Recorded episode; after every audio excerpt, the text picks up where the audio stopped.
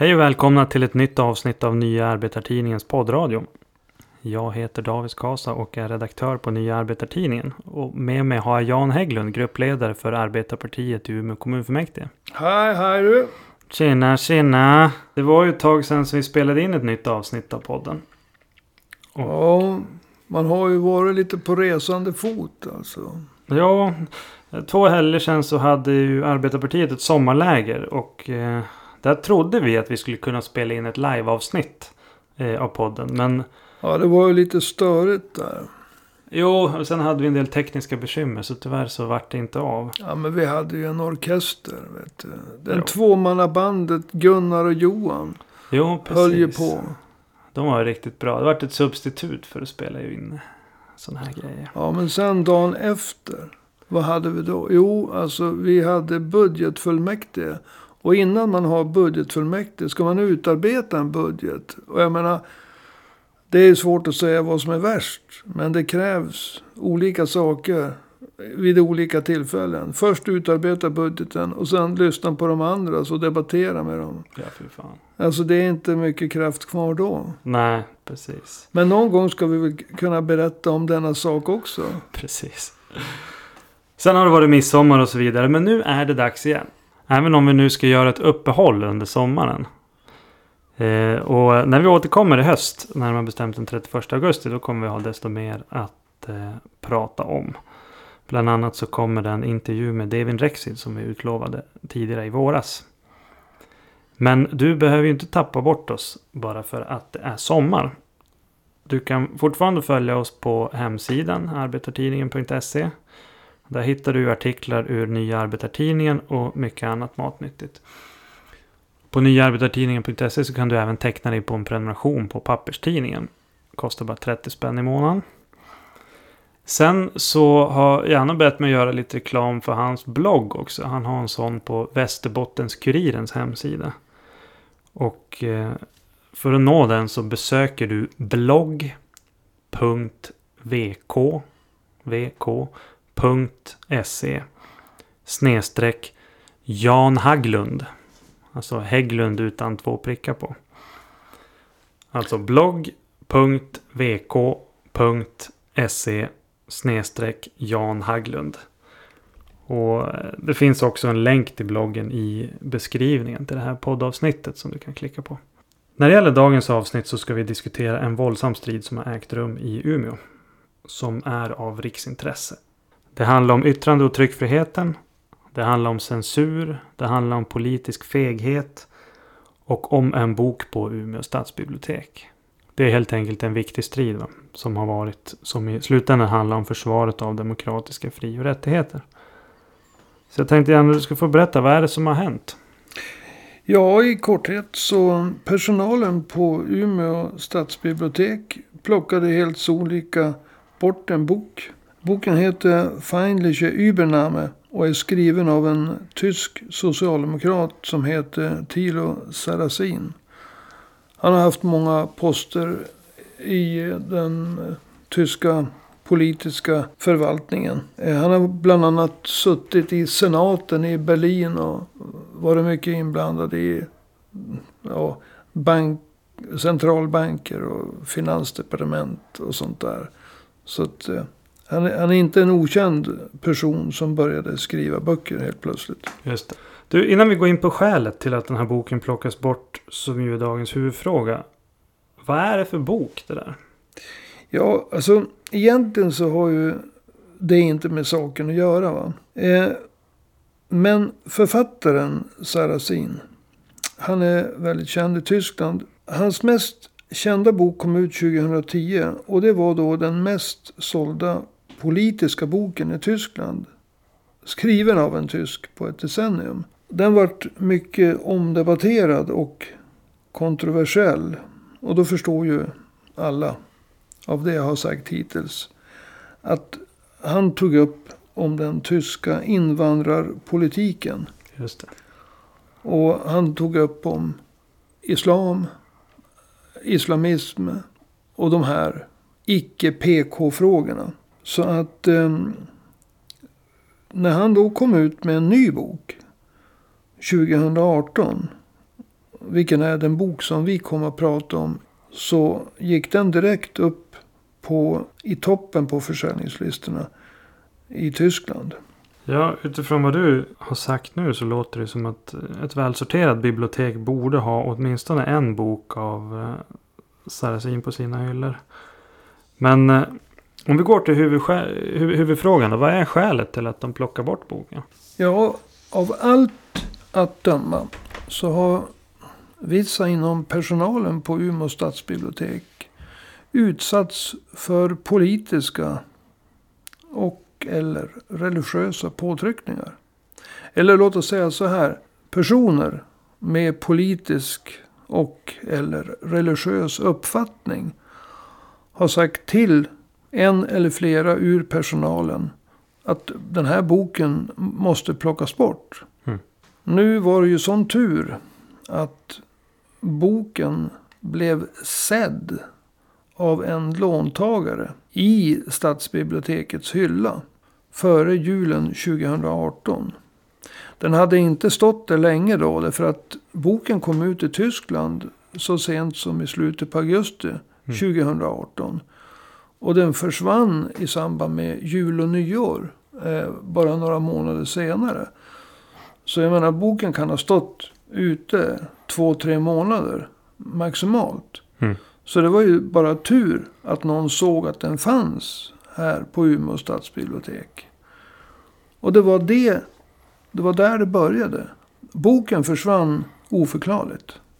Just det. Hur kan du vara så säker på att det är så det har gått till? Jag menar, folk kan, någon kan ju ha snott den eller eh, ja, vad som helst. Ja, alltså från början så... Jag, jag kontaktades av en kille som jag brukar kalla Kalle då jag bloggar. Det var han som hade sett boken. Och han lånade den inte då på, under hösten 2018. När han såg den. Men han tänkte jag ska låna den. Så när han i mitten av januari tror jag. 2019 inte hittade boken. Så eh, då drog jag helt enkelt slutsatsen att på grund av att Saracen diskuterar invandring, islamism och eh, den här typen av kontroversiella frågor. Mm. Samtidigt som boken bara kom och försvann. Mm. Vad sa du? Två månader? Två, tre månader? Ja, alltså den, den gavs ut sista augusti Ja. i Tyskland. Det måste ha tagit lite grann tid att få hit den. Och sen försvann den i samband med jul och nyår. Mm. Den kan ha stått ute i hyllan på Umeå stadsbibliotek. Två, högst tre månader. Och sen är den borta. Och med tanke då på eh, bokens kontroversiella tema. Så tänkte jag den måste ha rensats ut på grund av att någon har blivit sur. Mm. Det är trots allt en PK-stad Umeå.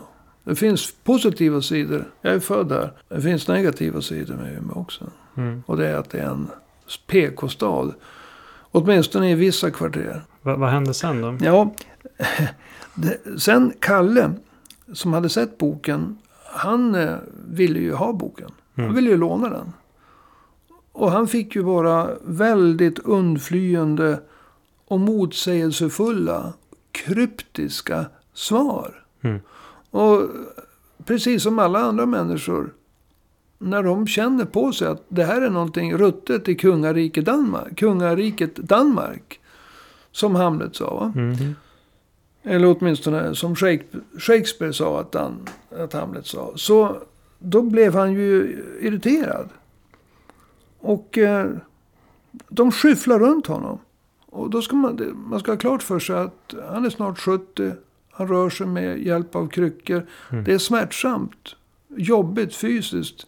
Och ändå skyfflar de runt han. Mm. Så han tog kontakt med mig och berättade om alla dessa motsägelsefulla, undflyende svar. Och eh, det bekräftar ju mina misstankar. Mm. Första gången han hörde av sig, då var det via telefon. Va? Ja. Sen körde han själv och fick alla de här svaren. Och då, jag som redan trodde från början att det här är PK-ismen som har slagit till. Jag, Mm. jag varit ännu mer övertygad då. Och slutligen så, sa ju de som jobbade rakt ut att boken hade blivit bortplockad. Ja. Och han fick, fick ju svart på vitt. Ja, det var någon mail va? Nej, det var ett mejl. Han, han skickade vidare till mig för att jag skulle få se själv. Och det var ett ytterligare exempel på kryptiskt mejl. Boken hade köpts in därför att den var skönlitterär. Och sen så, så fanns det liten efterfrågan på tysk faktalitteratur. Punkt, punkt, punkt. Men det står aldrig att man, man hade slängt bort boken. Ja, man får som lista ut det själv. Ja, alltså grejen var att den som hade skrivit det var så finurlig att överlämna den slutsatsen till Kalle. För att personen vill inte skriva en lögn rakt av på papper och underteckna den. Mm. Men, men alltså att boken var borta framgick ju skriftligt. Och sen har det också sagts eh, på ett annat sätt muntligt. Mm. Han fick också höra att boken var utgallrad. Och när han frågade varför. Så fick han som svar en av gångerna. Att den ansågs väl inte som riktigt lämpligt, kanske. Ja, just det. Så både skriftligt och muntligt så fick han reda på att den var utgallrad. Som de kallar det. Men är det inte väldigt konstigt att personal på ett bibliotek är efter påtryckningar på det där viset? Jo, det är inte bara väldigt konstigt utan det är skandalöst. Alltså, men det tragiska det är att det inte är unikt. Det finns flera exempel runt om i landet de senaste åren. Mm. På den, de här tendenserna. Att biblioteken driver någon sorts egen invandrar eh, antirasist politik. Va? Ja. Alltså som, som de hittar på själv. Och låt mig ta några exempel. Mm. I, I Stockholm då så plockade man bort vissa Tintin-böcker på Kulturhuset. Och tidens anda och att Tintin är gjord av en belgare. Och belgarna var en kolonialmakt. Mm. Det gjorde ju att de första exemplaren av Tintin, färgade människor, de beskrevs ju på ett speciellt sätt. Med Ja. speciella ord. Alltså Ja, det var väldigt nedlåtande allting kring Ja det. Men, visst, alltså de speglade den tiden. Ja. Men ska ett kulturhus bevara kulturen? Bevara historien? Eller ska ett kulturhus eh, utplåna historien? Ja. Alltså att, att ett kulturhus plockar bort Tintin istället för att skriva en förklaring till i vilken tid och i vilket sammanhang den här skrevs. Ja. Det ena är att utplåna historien. Vi har aldrig haft sådana här tidningar. Och det andra är att förklara historien.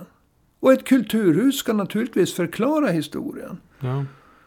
Så att vi har det. Sen på Ekerö så vägrade bibliotekschefen att köpa in ekonomen Tino Sanandayes bok Massutmaning. Där han gör beräkningar över hur mycket invandringen kostar i Sverige. Just det. Men det- de, vart, de vart väl tvingade att ta in den igen då kulturnämnden? Eller hur var det? Det, jag vet inte, men eh, jag tror det Jag har för mig fanns... att det var så. Det hoppas jag verkligen att eh, kulturnämnden, som ju är politiker, sa ifrån åt tjänstemän som bedriver egen invandrings och utrikespolitik. höll Mm. jag på att säga. Kommunerna Botkyrka och Falköping, de har kritiserats av JO för att man har vägrat tillhandahålla vissa icke-PK-titlar. Man, man har inte köpt in dem och man har inte velat förmedla fjärrlån. Mm. Och det är med hänvisning till sina eh, ja, värdegrunder. Och då kritiserades Botkyrka och Falköping för det här. De kritiseras av JO. Ja, de kritiseras av JO för att man inte alltså, skötte sig som ett bibliotek ska sköta sig. Va? Och speciellt Falköping hade då ett svar till JO. Och det var kultur och fritidsnämnden som försökte då motivera sitt handlande inför JO. Mm. Och då vill jag läsa upp det svaret. Och kom då ihåg att det här är kultur och fritidsnämnden i Falköping som försöker förklara att de inte tillhandahåller böcker till justitieombudsmannen. Mm. Jag citerar. Anledningen till att kultur och fritidsnämnden i medieplanen fastställt att värderingar är det viktigaste kvalitetskravet är att nämnden vill vara säker på att en låntagare kan känna sig trygg med att när hen lånar litteratur inte få sina mänskliga rättigheter kränkta genom att läsa den. Detta gäller oavsett om litteraturen är skönlitterär eller en ren faktabok. Och det här måste ju gå till historien som någonting av absolut dummaste aktstycken som är frambringad i modern tid. Ja. Alltså först så eh, fastslår kultur och fritidsnämnden att värderingar är det viktigaste kvalitetskravet Ja. när det gäller böcker. Sen så vill man vara säker på att en låntagare kan känna sig trygg med att inte få sina mänskliga rättigheter kränkta genom att läsa en bok. Alltså mänskliga rättigheter. Jag undrar hur det skulle gå till. Alltså, det finns en allmän förklaring om de mänskliga rättigheterna som växte fram efter andra världskriget. Mm. Då man brukar säga att mellan 50 till 60 miljoner människor dog. Vi hade utrotningen av judar och romer. Vi hade rättegångar. Och här så skapade vi någonting som hette mänskliga rättigheter i 30 artiklar. Mm. Och i dem så finns det till exempel att man har rätt till vissa saker. Man har också rätt att slippa vissa saker. Som slaveri och tortyr. Står det någonstans där att man har rätt att slippa läsa böcker? Det står inte ens att man har rätt att slippa krig. Ja. Men i Falköping, närmare bestämt då kultur och fritidsnämnden har fastställt medieplanen. Så säger man att en person för att inte få sina mänskliga rättigheter kränkta ska släppa viss litteratur. Alltså här jämförs andra världskrigets fruktansvärda folkmord som handlar om mänskliga rättigheter. Mm. Där man ställde folk inför rätta och avrättade dem som krigsförbrytare. Med rätten att slippa bli överraskad av några formuleringar i en bok. Mm. Alltså man degraderar ju vad mänskliga rättigheter betyder. Jo. Men det känns egentligen fel för mig att sitta och förklara. Jag vill bara hälsa kultur och fritidsnämnden i Falköping att de är idioter. Och en skam för varje kulturarbetare i hela världen. Jag, jag vet inte vad jag ska säga. Det, det, förutom det då, att det är tragikomiskt. Så har de ju skaffat sig ett verktyg för att censurera bort varenda bok som de själva inte tycker är bra. Mm. Alltså det här är ett dokument. Det här är en så kallad värdegrund. Och med denna värdegrund kan man alltså censurera bort vad som helst. Mm. Och då när man får kri- kritik, då säger man det här, det handlar ju om mänskliga rättigheter. Alltså, Nu köpte ju inte JO det där. Nej, nej. Lyckligtvis. Nej, nej, och men- prickade dem för det där. det Det, var ju jävligt bra. det, det, det tragiska, det, var ju bra va? Vad man kan förvänta sig, åtminstone hoppas man det. Men alltså att en politisk församling som kultur och fritidsnämnden kan ta sig rätten att alltså, tala om ordet uppblåsthet. Ja. Att vi köper inte in vissa böcker. Vi tillhandahåller inte vissa böcker ens genom fjärrlån. Därför att någon kan få sina mänskliga rättigheter kränkta genom att läsa en bok som inte de håller med om. Mm.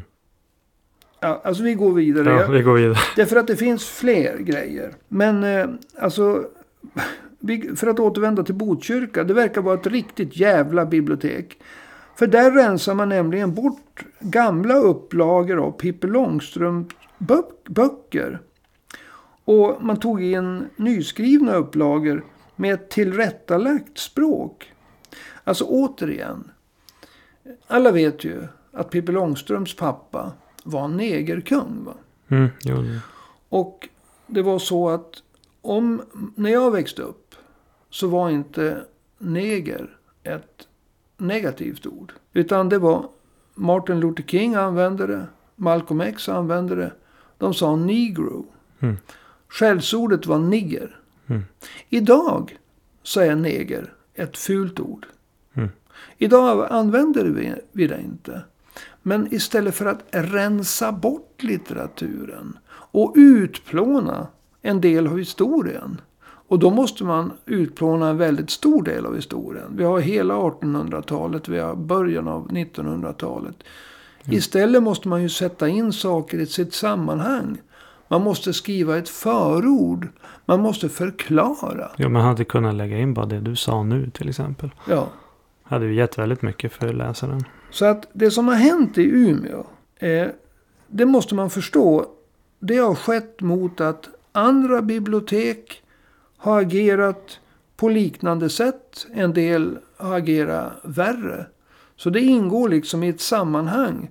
Och de här biblioteksanställda, precis som all, alla andra anställda, de har väl sina konferenser, sina kontakter.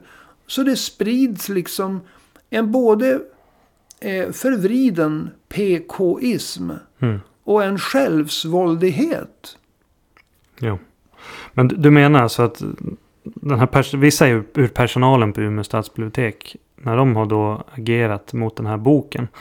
Så har de agerat i samma anda som många andra runt om i Sverige. I samma andas barn.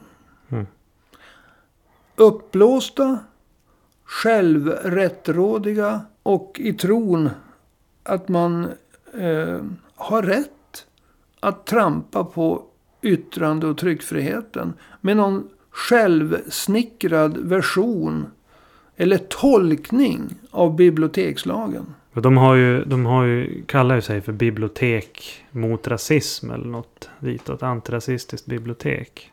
Ja, det kallar man sig för. Och jag menar, det är ju bra på sätt och vis. Va? Men jag hade ju uppskattat det mer om det hade stått det välsorterade och välbalanserade biblioteket. Mm.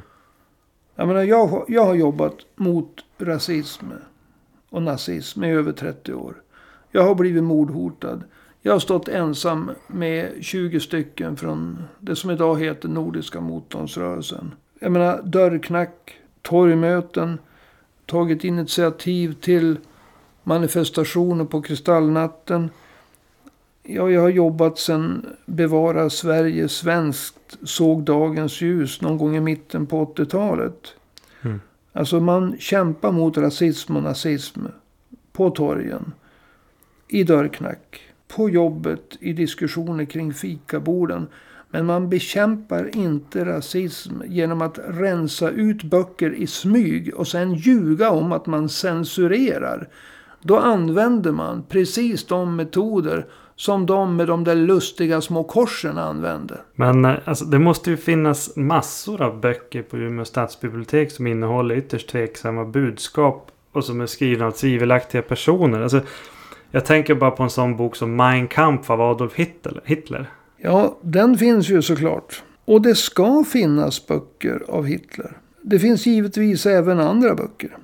Jag menar, Stalin har skrivit. Kim Il-Sung Nordkoreas tidigare diktator som så vitt jag vet fortfarande är evig president trots att han är död sedan 94. Har, har litteratur där. Och det ska det finnas. Mm. Alltså den litteraturen ska finnas. Det viktiga är att det finns annan litteratur som har en annan uppfattning. Jo.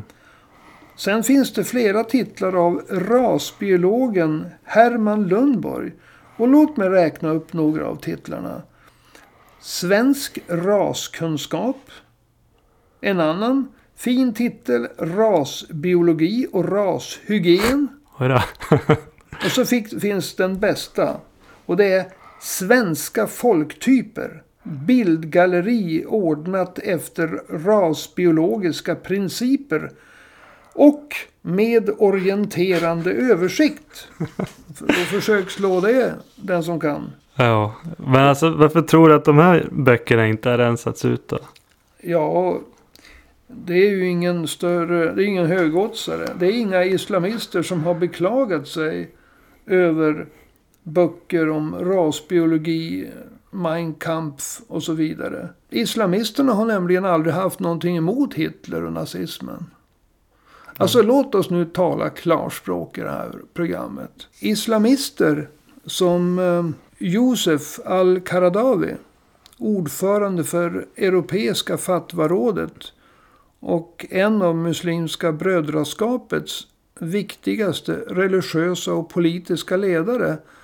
Han har uttalat sig så här. Och jag vill betona att de här orden lägger jag inte i, i eh, muslimers, eh, alltså Ja. Det är inte uppfattningen hos alla muslimer. Nej, nej, nej. Utan, men det här är en islamist. Och Ja. en ledande sådan. Inom Muslimska brödraskapet. Och jag citerar vad han har sagt. Mm. Genom historien har Allah ålagt vissa personer att straffa judarna för deras korruption. Den senaste bestraffningen utfördes av Hitler. Genom allt han gjorde mot dem, även om de har överdrivit denna fråga, lyckades han sätta dem på plats. Det var ett gudomligt straff för dem. Med Allahs vilja kommer nästa bestraffning att utföras av de troende. Och här säger alltså en islamist. En eh, representant för Muslimska brödraskapet. Mm. Som finns i många svenska riksdagspartier idag. Att utrensningen som Hitler, alltså judeutrotningen som Hitler och nazisterna genomförde. Det var eh, Allahs sätt att straffa judarna. Och med Allahs vilja kommer nästa bestraffning att utföras av de troende. Och det är sådana som han. Mm. Det är alltså sådana som Muslimska brödraskapet. Det är islamister som finns i Socialdemokratiska partiet, i Miljöpartiet, i Vänsterpartiet och även i vissa partier inom Alliansen. Mm. Att infiltrera andra partier har de gjort framgångsrikt sedan slutet på andra världskriget. Mm. Och de klagar inte på Mein Kampf. Men de klagar på Thilo Sarrazin. Ja, säger man sådär så har man nog inte så mycket att invända mot Mein Kampf. Nej, tvärtom. Herregud. Men om vi tar de här... um, Vi börjar uh, gå mot sitt slut här. Alltså de som rensar ut böckerna i Umeå. Vad stödjer de sig på? De stödjer sig på bibliotekslagen. Alltså en hemsnickrad tolkning av bibliotekslagen. Den är inte lika makaber som eh, medieplanen i Falköping. Men de har definitivt missbrukat bibliotekslagen. Det kanske funkar inåt mot arbetskamraterna. Man kan, kanske kan få eh, arbetskamraterna att hålla tyst när man själv rensar ut böcker. Mm. Men det håller aldrig utåt. Och det visas ju av eh, inte minst JO-besluten rörande Botkyrka och Fal, Falköping. Va? Jo. Men det håller inte utåt. För det var ju därför som vissa personer på Umeå stadsbibliotek ljög. När Mm. de liksom inte ville tala sanningen om varför de hade plockat bort Thilo Saracins bok. Och jag vill faktiskt göra en utvikning och, och läsa upp vad som står i bibliotekslagen. Mm, ja, men gör det. Och det står så här i paragraf 2. Biblioteken i det allmänna bibliotekväsendet ska verka för det demokratiska samhällets utveckling genom att bidra till kunskapsförmedling och fri åsiktsbildning. Mm. Är redan där. Ja, redan där va. Och sen står det fortsättningsvis i paragraf 2. Biblioteken i det allmänna bibli- bibliotekväsendet ska främja litteraturens ställning och intresse för bildning, upplysning, utbildning och forskning samt kulturell verksamhet i övrigt. Bibliotekverksamheten ska finnas tillgänglig för alla. Och det här, det är ju just det som jag har pratat om. Alltså, det finns ingenting om att man ska rensa ut böcker. Nej. Utan det finns, om man läser vidare i den här bibliotekslagen, alltså att man ska stötta invandrargrupper. Va? Mm. Men det ska man göra genom att tillhandahålla böcker på deras språk. På deras hemspråk. Det står ingenstans att man ska rensa bort böcker som eventuellt skulle kunna irritera någon som tror på en eller annan religion. Exempelvis islam. Nej.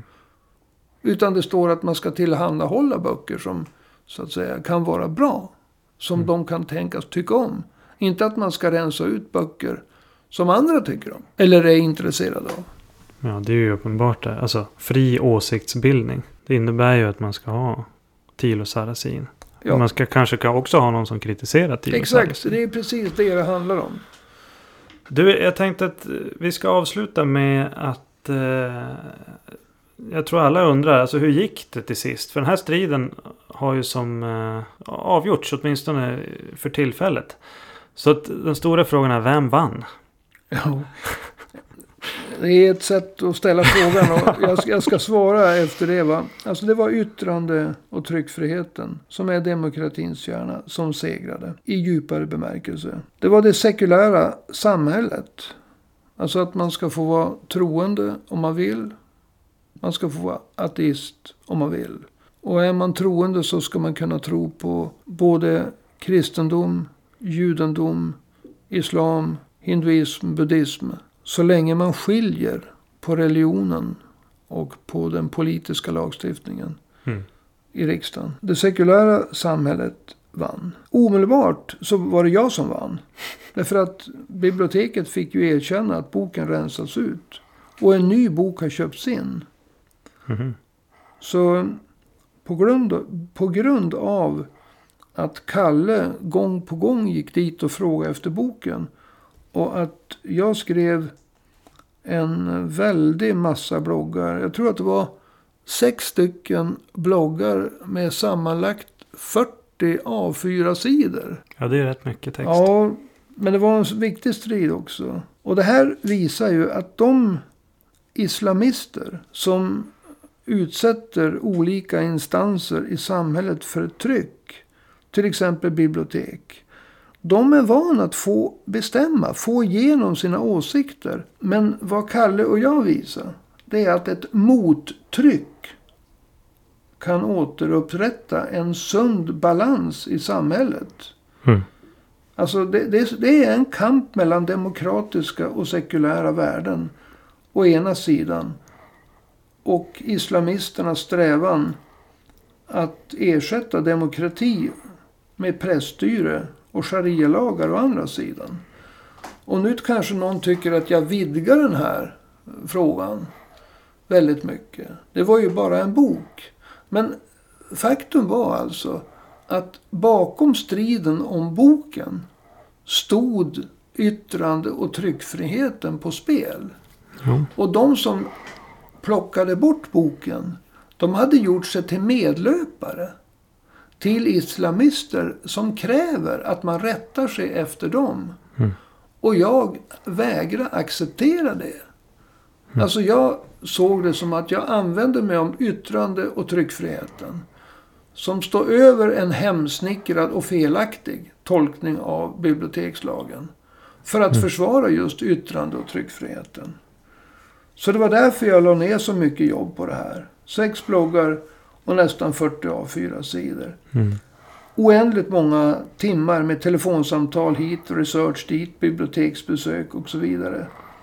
Och det berodde alltså inte på en bok, det berodde på en princip. Jag ville säga hit men inte längre. Och det budskapet skulle även nå islamisternas medlöpare. Oavsett om de finns på bibliotek eller i politiska partier i Umeå kommunfullmäktige. Eller någon annanstans. Mm. Det här vart en principiell strid. Så det var, det var en, en riktigt viktig seger. Det var, det var en liten seger i ett litet samhälle. Men det var en viktig seger i detta lilla samhälle. Mm. Och jag ska göra mitt bästa för att låta resten av Sverige få reda på att när islamisterna sätter tryck, det kan vara separata badhustider, det kan vara att litteratur ska plockas bort, det kan vara att eh, de kräver att Koranen ska exponeras på ett speciellt sätt. Mm. Man ska hålla emot. Man ska applicera mottryck. Alltså om man är inte bara demokrat i ord.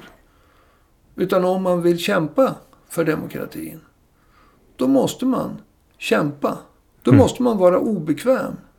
Alltså vi fick inte demokratin utan att, att strida.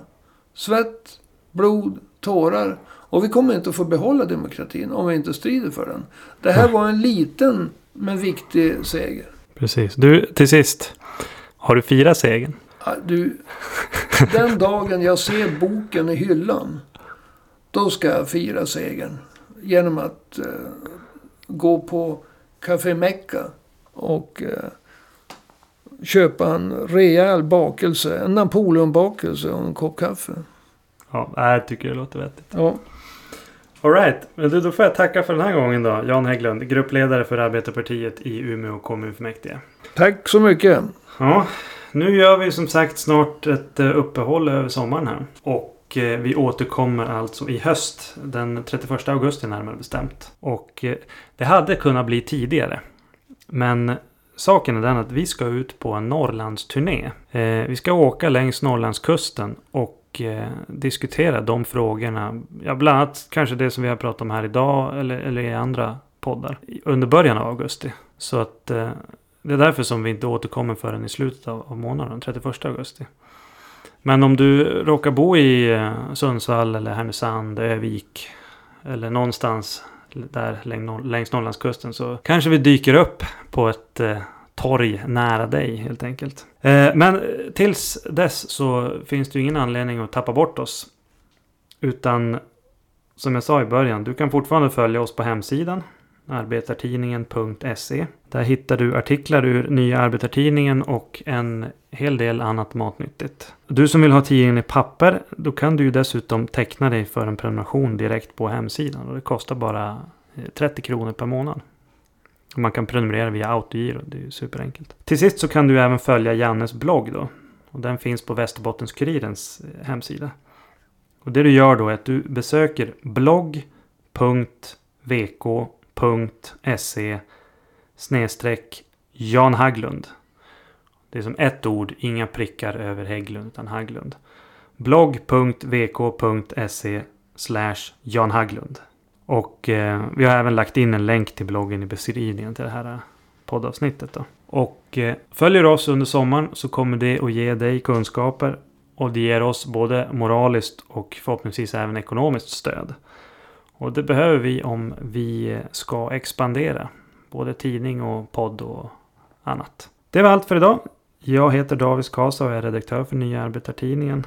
Jag önskar alla lyssnare en eh, riktigt trevlig sommar.